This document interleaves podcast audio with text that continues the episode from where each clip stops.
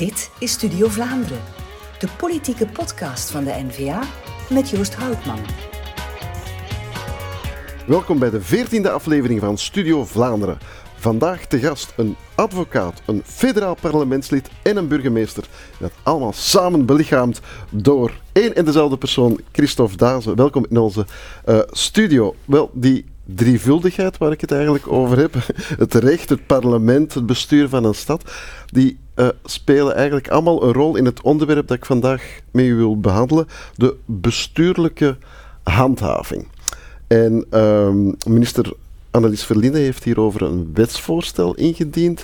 En dat is toch wel op wat wenkbrauwgefrons getrakteerd geweest. Dus ik stel voor dat we daar eens in gaan duiken. Nu, beginnen bij het begin. Bestuurlijke handhaving. Wat is dat voor een, een, een beest eigenlijk? Wel, het is nogal een beladen woord, maar het is uh, essentieel bij een, het hoort bij een taak als burgemeester mm-hmm. dat we veiligheid bewaken. Dat is ook een van onze strijdpunten vanuit NVA. We moeten die veiligheid garanderen. Dat is een basisrecht voor mensen. En dat is bestuurlijke handhaving eigenlijk een laatste schakel in de veiligheidsketen, waar veiligheid niet gegenereerd wordt door anderen die dat behoren te doen. Wanneer bijvoorbeeld justitie niet snel genoeg kan inspelen op een lokale situatie, dan heeft de burgemeester in een wel omschreven wettelijk kader, dat is het fameuze artikel 135, mm -hmm. dan heeft hij de mogelijkheid om de openbare orde, rust en veiligheid te garanderen. En uh, de burgemeesters in Vlaanderen, geloof mij vrij, die nemen die taak vrij goed ter harte vanuit die bevoegdheid. Maar men ziet dat die bevoegdheid moet versterkt worden, omdat eigenlijk ook de criminaliteitsuitdagingen en fenomenen die op ons afkomen, die binnencijpelen via de georganiseerde misdaad in de centrumsteden, maar ook al in kleinere steden, dan zien we dat dat bijzonder belangrijk is. Je moet die burgemeesters echt slagkracht geven. En, maar hoe moet ik dat zien? Want je, je bent als burgemeester ook het hoofd van de politie, hè, politie die dan voor de op de, over de veiligheid waakt eigenlijk. Hoe verhoudt die bestuurlijke handhaving zich ten opzichte van wat de politie dan Wel, het is juist heel, kan doen? Het is heel belangrijk dat we heel kort op de bal kunnen spelen en probleemsituaties detecteren. Ik geef heel wat uh, praktische voorbeelden. Mm. In de praktijk uh, zijn er heel wat te geven, een paar. Mm. Uh, bijvoorbeeld dat, ja, dat er een inval noodzakelijk is in een garage die niet meer gebruikt wordt als garage, maar waar bijvoorbeeld drugdealers zich schuilhouden. Ja. Als we dat moeten doen via een klassiek gerechtelijk onderzoek, dan duurt dat te lang. Wij zijn bij machten om heel kort op de bal te spelen. Het sluiten van een moskee, wanneer dat we zien dat daar heel radicaliserende invloeden mm -hmm. aan het werk zijn. Uh, het kan en dat ook, valt allemaal onder die bestuurlijke dat handhaving? Valt, dat kan allemaal onder die bestuurlijke handhaving vallen. En je ziet natuurlijk iets moois, dat is dat uh, wij in Vlaanderen echt wel voor die veiligheid willen gaan. Mm -hmm. En uh, dat is heel anders aan de andere kant van de taalgrens, waar eigenlijk uh, Waalse burgemeesters zeggen, ja kijk, dit is echt, uh, ja, voor ons interesseert dat zo niet. Terwijl dat wij die, ja, die armslag echt willen maximaliseren en wij willen voor onze mensen in onze steden willen wij veiligheid genereren en daarvoor is, is ja, bestuurlijke handhaving niet alleen een voldoende, maar ook een noodzakelijke voorwaarde. We hebben dat echt nodig als burgemeester. Dus als ik het goed begrijp, gaat het er eigenlijk over, over die punten waar de onderwereld de, de, de bovenwereld infiltreert. Zijn het dan de, de kapsalons waar de kapper in het luchtledige ja, knipt? En, dat en, klopt, hè, de, de kapsalons, maar ook de, de carwash-instituten, uh, uh, winkels die geopend worden waar je ineens uh, terecht kan om je tanden laten wit te maken. Mm -hmm. er worden de creativiteit, die is ja, En die dienen eigenlijk allemaal om, om, En die proberen langs daar eigenlijk in het reguliere economische circuit, proberen zij binnen te geraken, proberen zij gelden te witwassen. zijn zijn er uh, samenkomsten van mensen met minder goede bedoelingen. En dat is kwestie om dat heel vlug te detecteren, onmiddellijk in overleg te gaan met de gerechtelijke autoriteiten, maar ook vaak bewarende maatregelen te nemen. Hè. Wanneer uh, ja, er mafioze praktijken in uw stad uh, opduiken, dan is het bijvoorbeeld de kunst om de eigenaar van dat pand te, te contacteren en te zeggen, kijk, uh, verhuur niet aan, aan, aan die partij, want dit komt echt niet goed. is het ook de kunst van onmiddellijk het parket te verwittigen. Doe daar zeer snel, zo snel als mogelijk, huiszoekingen. Wij kunnen louter bewarende maatregelen nemen, maar die zijn niet onbelangrijk, omdat wij heel kort op de bal kunnen spelen en omdat wij ook de lokale situatie bijzonder goed ja. kennen. Hoe vaak moet u dat als burgemeester van Aalst toepassen, die bestuurlijke handhaving? Is dat iets dat je elke week wel eens moet doen, of is dat eerder uitzonderlijk? Uh, Aalst is de, de, de vijfde tot zesde centrumstad. We zitten mm. een beetje in concurrentie met Mechelen. 300 ja. inwoners uh, verschil ongeveer, 300, 400 inwoners. Dus ik kan u zeggen dat we in, uh, in stafoverleg met politie, en ook ik heb een eigen cel bestuurlijke handhaving, dus dat is eigenlijk op uh, stedelijk niveau bijzonder goed georganiseerd. En mhm. dat is ook zo in Antwerpen, in, in, in de grote steden, wordt dat echt wel zwaar op ingezet, omdat dat ook heel belangrijk is. Uh, ja, ik kan toch spreken van vijf, uh, vijf tot acht dossiers per week. En we doen daar ook vooral een heel goede preventieve werking. We screenen eigenlijk handelszaken die op ons grondgebied binnenkomen om te kijken of dat, dat bona fide en niet malafide ondernemingen zijn. En dat is ook van cruciaal belang dat je dat in het begin doet. Je moet het probleem bij de wortel aanpakken, niet een, uh, ja, een economische inrichting zich laten vestigen, waar het dan uh, na vijf, zes, zeven maanden gewoon te laat is. Ja. Dus je moet, uh, je moet er vlug bij zijn. Ja, dus minister Verlinde dient nu een, een wetsvoorstel in dat de lokale besturen meer slagkracht moet geven, zegt ze, in de strijd tegen de georganiseerde misdaad. We zouden dat dan moeten kunnen toejuichen, denk ik dan, als burgemeester. Maar u ziet toch wel wat... Ja, we zijn natuurlijk uh, niet naïef. Hè. We pleiten uh, vanuit NVA absoluut, uh, ook Bart de Wever en ikzelf hebben dat ook al dikwijls gezegd, hè. we pleiten echt voor de versterking mhm. van die burgemeestersmacht. Dat is niet als een instrumentum de macht om de macht, maar dat is gewoon omdat het echt noodzakelijk is op het terrein. Dat is de essentie van de zaak. En wat zien we? Dat is dat eigenlijk ja, de, de minister Mr. Verlinden nu net het omgekeerde bereikt van wat ze ambieert en wat ze met heel grote woorden blijft uh, verkondigen, dat die slagkracht van de burgemeesters zal vergroot worden, maar het is geen slagkracht, het is een slag in het water mhm. en eigenlijk een slag in het aangezicht ook van alle burgemeesters die hun werk dag in dag uit, uh, 365, 7 op 7, uh, 24 uur op 24 uur proberen te doen. En uh, dat is ook iets wat over de partijgrenzen heen uh, duidelijk is geworden. Ik heb recentelijk een uh, samenkomst gehad met de burgemeesters van alle centrumsteden in Aalst. En daar is dat heel duidelijk geobjectiveerd. Dus ook collega's van dezelfde partij, van minister Verlinde, zien dat echt absoluut niet zitten. Het is en wat zijn dan de, de hoofdlijnen waarvan u zegt van ja, hier, hier slaat ze de bal mis? Er is heel wat, uh, is heel wat over te zeggen, maar uh, uh, gebald en, en samengevat komt het er eigenlijk in essentie op neer dat de bestuurlijke handhavingskracht van een burgemeester in Vlaanderen dat die sterk wordt ingeperkt in plaats van uitgebreid. Ja, en uh, jullie zijn allemaal vragende partij om ze net uit te breiden. Voilà, dat is, uh, als men wil dat, dat die uh, belangrijk is, er is heel wat te doen rond veiligheid in ons land. Dat is dat de, dat de ketting, de veiligheidsketting, en dat is justitie, maar dat zijn ook burgemeesters en dat is ook politie, dat is iedereen op het terrein, die ketting moet zich sluiten. En de ketting is maar zo sterk als de zwakste schakel. Als we een, een schakel, een heel, die voorheen toch een goed functionerende schakel was, die burgemeester die als laatste in de rij, maar ook het dichtst op het terrein erbij staan. Ik ken mijn 962 straten in Aalst, maar de, de minister van Binnenlandse Zaken, met alle respect gesteld, die kent die veel minder. Dus wij komen van op het terrein, van in, vanuit de praktijk, en we zeggen, kijk, laat ons die macht niet uithollen, maar in tegendeel versterken. Eerste belangrijk punt van kritiek. Tweede punt van kritiek, de manier waarop dat men dat tracht te doen. Men gaat een DOIB oprichten. Dat is een, dienst, ja, dat is een, uh, een nieuwe afkorting, dus we gaan zo onmiddellijk moeten duiden. Dat is een, uh, een draconisch geheel, hè. dus dat is een uh, mega-administratie. En die D staat dan voor draconisch? nee, de D staat niet voor draconisch, de D staat voor dienst integriteitsonderzoek openbare besturen. Men wil eigenlijk een soort screening doen. Op het tegen het principe kan men weinig hebben. Hè, dat is een screening die we willen doen op uh, federaal niveau. Men mhm. wil, op federaal niveau wil men eigenlijk, uh, wanneer een zaak verdacht is en een burgemeester wil die sluiten of wil een maatregel nemen, dan moet hij een uiterst logge en vooral langdurige administratieve molen door voor een, in een nog op te richten orgaan om te zeggen, meneer, mevrouw de burgemeester, u mag of u mag niet sluiten, want dit is ons integriteitsadvies. Dat is in de praktijk niet werkbaar. Wij moeten werken met de middelen. Die ja, je moet zo snel mogelijk kunnen ingrijpen in plaats van heel die administratieve molen te doorlopen. Ik kan dat nu doen op acht hm. dagen tijd. Mhm. Als ik die procedure moet doorlopen, in het beste geval zitten wij aan vijf, zes maanden als u rekening houdt met alle termijnen die erin zitten. Ik ga niet in te, mhm. al te zeer in de technische details, hè, maar bijvoorbeeld, uh, we moeten diegene die zal gesloten worden, die moeten we verwittigen, dan moeten we een onderzoek aanvragen, dan moeten we ondertussen een screening doen op lokaal niveau. Stel, ik wil een kapperszaak sluiten, mhm. dan moeten wij alle kapperszaken dus ook die mensen die te goeder trouw zijn aan een onderzoek onderworpen, dat is echt te gek voor woorden. En het dus je moet eigenlijk een hele sector dan wij gaan, moeten gaan een hele, Wij moeten een hele sector gaan, uh, gaan screenen. En dat, dat lijkt mij werkelijk uh, te stupiet voor woorden. Dat is, uh, dat is echt niet haalbaar. En mij is het niet te doen om uh, mensen die te goeder trouw zijn, die bona fide zijn, om die in een logge administratieve procedure te duwen.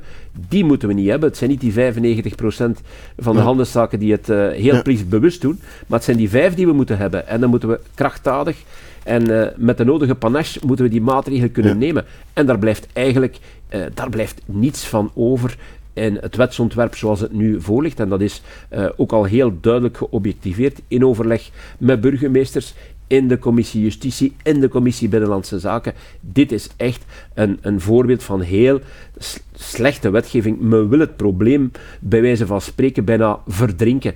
En dat is echt niet goed. Ik stel me trouwens ook, en uh, ik niet alleen, velen met mij, de vraag hoe gaan wij dat instituut, hè, dat, uh, ja. dat is bijna een monster van Loch Ness, de D DIOB, hoe gaat men dat, dat integriteitsbureau, hoe gaat men dat bevolken?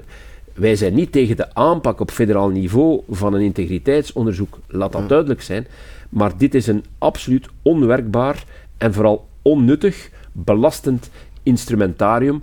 En het is eigenlijk ook een, een, een blijk, tijdrovend een blijk, ook, tijdrovend en ook een blijk van, van wantrouwen van een, een, een, minister van Binnenlandse Zaken versus die, die burgemeesters in, in Vlaanderen, in Brussel en in, en in Wallonië. Dat, dat, dat, dat werkt gewoon zo niet. En het, het komt heel, het komt eigenlijk als een, uh, ja, als een motie van wantrouwen voor iedereen die dag in dag uit zijn werk probeert goed te doen.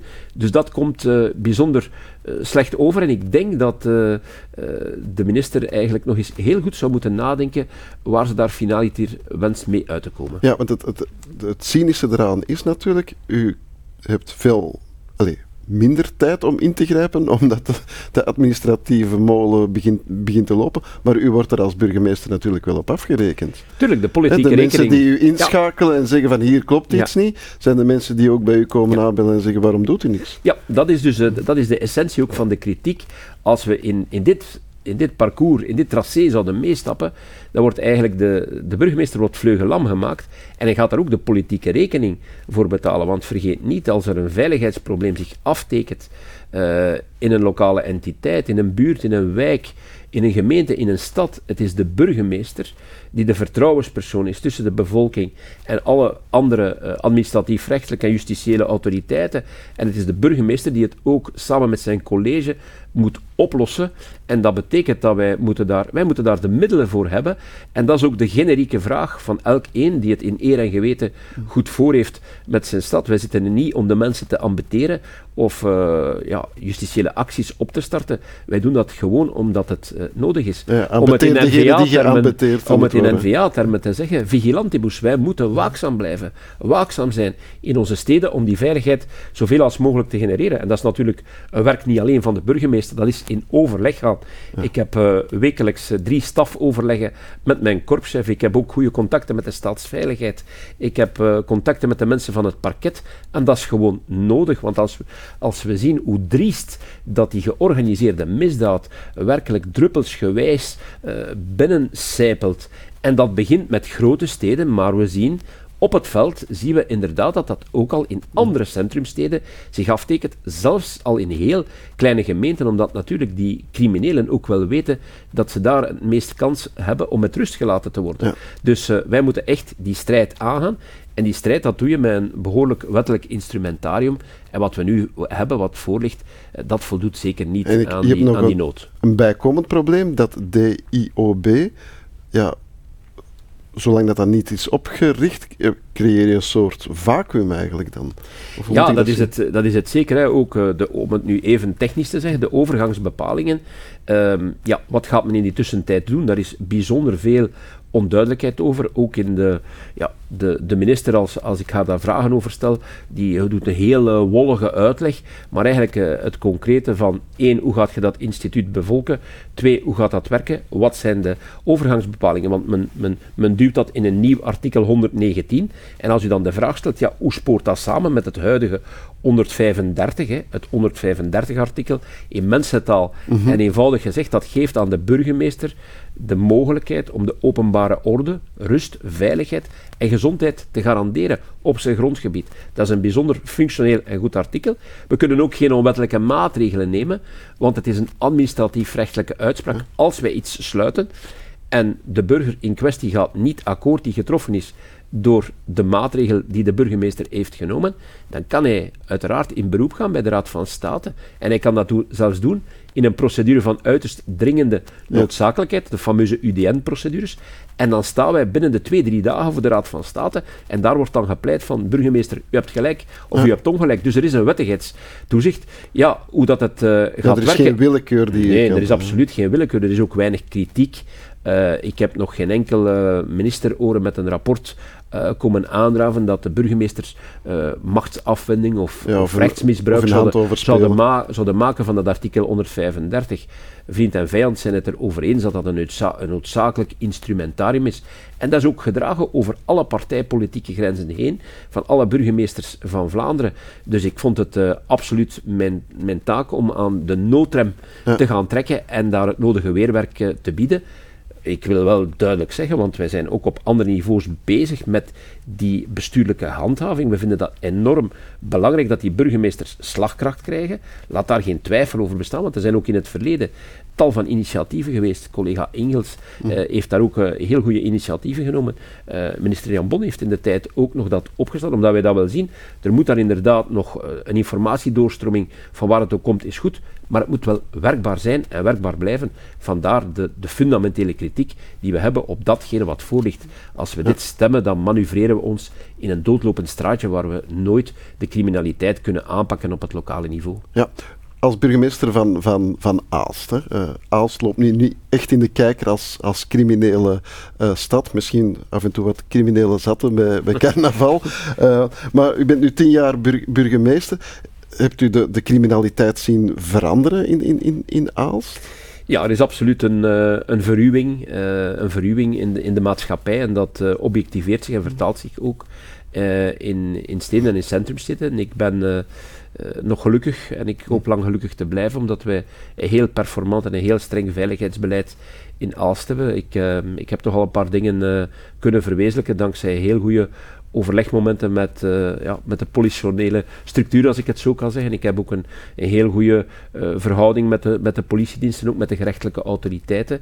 Maar ja, het is een strijd en je moet enorm waakzaam zijn kritische stationsbuurt, hè, waar je mm. continu moet inzetten op veiligheid. We hebben ook de, de middelen voor politie aanzienlijk verhoogd. Uh, in Aalst is een ongelooflijke capaciteitsuitbreiding, meer dan 100 agenten die er zijn bijgekomen. Dat is best wel indrukwekkend, maar dat is ook nodig. Hè. We zitten met een, uh, een import van uh, taalarmoede, kansarmoede vanuit het Brusselse. Ook jongeren, hè, de, de drillrap uh, toestanden die we gekend hebben in Antwerpen, die we kennen in Aalst. Dat betekent dat je echt heel kort op de bal uh, moet kunnen spelen, maar je ziet ook wel dat de bevolking dat apprecieert. U refereerde al even naar de drie zotte dagen van carnaval. Voor alle duidelijkheid, er zijn nog 362 andere waar dat wel ernstig en, eh, en, serieus zijn. Maar bijvoorbeeld een, een, volksfeest als carnaval is ook het, het grootste veiligheidsexamen in Vlaanderen. Als ik dat uh, zie, uh, hoe dat, dat allemaal verloopt. Hè. Ook nu bijvoorbeeld, dat is ook een, een, een, onderdeel van bestuurlijke handhaving. We hebben 17 minderjarigen die amok waren komen maken op Aals carnaval. Die hebben we gefouilleerd, geïdentificeerd aan het station via een bijzondere toelating. Dat kan, kadert eigenlijk ook perfect in bestuurlijke handhaving. Bijzondere toelating van de burgemeester. Die jongeren zijn dan de stad ingetrokken en zijn daar amok beginnen maken. We hebben die via 70 agenten geïsoleerd. En we hebben die terug naar het station gebracht en terug de trein opgezet richting Brussel. Dat is eigenlijk kordaat veiligheidsbeleid. En zo moet het zijn, met respect voor de rechten en de plichten van de minderjarigen, uiteraard. En uh, ook met, onze, met dank en waardering en respect voor onze politiemensen, want geloof mij vrij, het zijn geen evidente tijden om, om dit allemaal te doen. Dus alles wat kan helpen om iedereen die in de, in de totale veiligheidsketen, om die meer slagkracht te geven, dat moeten we ondersteunen en daar moeten we als partij ook voor gaan. En we moeten waakzaam zijn om ons niet laten te verlammen, in slaap te laten wiegen, door wat ik zou durven noemen, ja, uh, dat is een beetje de waan van de dag dat men zo met een paar eh, grote woorden tracht tot een wettelijke constructie komen waarvan iedereen die een beetje uh, rechtschapen, eerlijk en, en, uh, ja, en dat correct bekijkt, weet, ja, dit, dit gaat niet werken. Ja, voor u burgemeester was, was u actief aan de, aan de balie. Zijn er zaken of gevallen van, van vroeger waarvan u zegt van ja, eigenlijk neem ik die wel mee als politicus en als burgemeester. Dan zegt van wat ik toen heb gezien, inspireert mij wel om bepaalde stappen of beslissingen nu te nemen? Ja, ik ben eigenlijk altijd uh, blij als ik uh, opsta en dat ik, uh, dat ik mag burgemeester zijn en hier ook in het, in het federale parlement. Ik zie dat als een, als een gunst, dat ik dat mag doen ten dienste van de bevolking. Eigenlijk zijn er heel veel parallellen te, te leggen. Men zegt wel eens, ja, drie juristen, drie misvormde mensen met een knipoog. maar eigenlijk is er natuurlijk wel heel wat parallel te trekken wat je, wat je doet als, eh, als advocaat. Ik heb echt wel heel wat zware dossiers in mijn leven gedaan. vaak moord, doodslag, heel wat slachtoffers verdedigd, soms ook daders. En ik ken het justitiële apparaat van binnen en van buiten, als ik het zo mag zeggen. Ik heb het meer dan twintig jaar gedaan. Ik ben ook plaatsvervangend rechter geweest. Ja. En um, ja, ik dat probeer, zijn heel wat ervaringen die Dat zijn heel wat ervaringen en die neem je natuurlijk mee. En die moet je nu ten dienste stellen van de bevolking, ja. en daar gaat het om. En we moeten natuurlijk ook altijd uh, systematisch op zoek gaan naar het goede in de mens. Ja. Al is dat in sommige gevallen wel uh, heel moeilijk en moet je vaak heel diep gaan. Maar uh, wat wij eigenlijk willen is een correcte samenleving waar, waar mensen zich goed voelen, waar mensen op een veilige manier kunnen door een stad flaneren, ook voor onze jeugd. Hè. Ik moet er bijvoorbeeld voor zorgen dat ouders hun kinderen kunnen toevertrouwen aan een veilige stad als die willen uitgaan, als die zich willen amuseren. Er is nog altijd een recht ook op amusement. De openbare ruimte die moet eigenlijk gevrijwaard worden van nefaste invloeden. De verkeersveiligheid die moet gegarandeerd worden. Veiligheid is eigenlijk is de hoofdtaak. Een burgemeester moet niet alleen lintjes doorknippen. Een burgemeester moet ook zorgen voor de veiligheid. Een burgemeester die zorgt voor de veiligheid is een burgemeester die zal gewaardeerd worden door de, door de bevolking. En dat is eigenlijk ook hetzelfde in het, uh, in het federale parlement. Uh, ja, veiligheid, het is niets voor niets. En, uh, echt, echt wel een kernpunt in, onze, in onze programma's, met alles in al zijn facetten en in zijn en vele. Het is een gelaat met, met vele gezichten.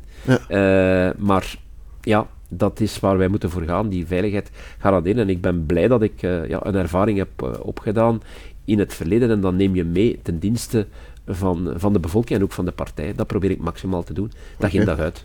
Dank u wel. Uh, uh, zoals ze in Oost zeggen van 10-1 hebben we dat goed gedaan. Uh, dank voor het heldere inzicht en de heldere uitleg over de bestuurlijke handhaving en hoe we veiligheid kunnen aanpakken binnen een centrumstad en in Vlaanderen algemeen. Nu, over criminaliteit gesproken. Uh, criminaliteit op tv is soms leuke fictie. Criminaliteit in de realiteit is zijn soms harde feiten. En dat leidt ons naadloos naar de volgende rubriek: Feit of fictie. Hallo allemaal en welkom bij Feit of Fictie. Ik ben Christine van Varenberg, Kamerlid voor de NVA. En vandaag wil ik het met jullie hebben over het snelrecht. De naam zegt het zelf. Het snelrecht moet ervoor zorgen dat daders van kleinere misdrijven sneller berecht kunnen worden. De problematiek werd pijnlijk duidelijk tijdens het afgelopen WK. Toen werd onze hoofdstad wekenlang geteisterd door relschoppende jongeren. Die jongeren werden uiteindelijk nauwelijks gestraft. De minister van Justitie, Vincent van Quickenborne, wou toen het supersnelrecht invoeren. Dat is op zich geen verkeerde gedachte, maar zonder twee cruciale ingrepen zal het fictie blijven. Het snelrecht bestaat namelijk in de praktijk niet. In Gent organiseert men één snelrechtszitting om de twee weken. In Henegouwen en Limburg is dat één keer per week. Andere rechtbanken houden slechts één zitting per maand. Bovendien worden veel zaken pas na maanden behandeld omdat de advocaten vaak om uitstel vragen. Er zijn dus verschillende snelrechten naar gelang het arrondissement. En het snelrecht is tot op heden eerder een schildpaddenrecht. Daarom dien ik een wetsvoorstel in dat de problemen van het snelrechtssysteem aanpakt. Ik stel voor dat er duidelijke termijnen komen. Zo moet men binnen de week voor de rechtbank verschijnen en een uitspraak krijgen. Daarnaast kan het enkel voor zaken met een eenvoudige bewijslast gebruikt worden, zoals weerspannigheid, gauwdiefstal en drugsdelicten. Maar een effectief snelrecht is slechts één deel van de puzzel. Naast een snelle uitspraak moeten de straffen ook effectief uitgevoerd worden. Door onze overvolle gevangenissen gebeurt dit tot op heden veel te weinig. nog een verdienste van het Vivaldi-beleid. Dit was de veertiende aflevering van Studio Vlaanderen. Ik dank mijn gasten Christine van Varenberg en Christophe Dazen, maar ik dank ook vooral u voor het kijken en of luisteren. Tot een volgende Studio Vlaanderen.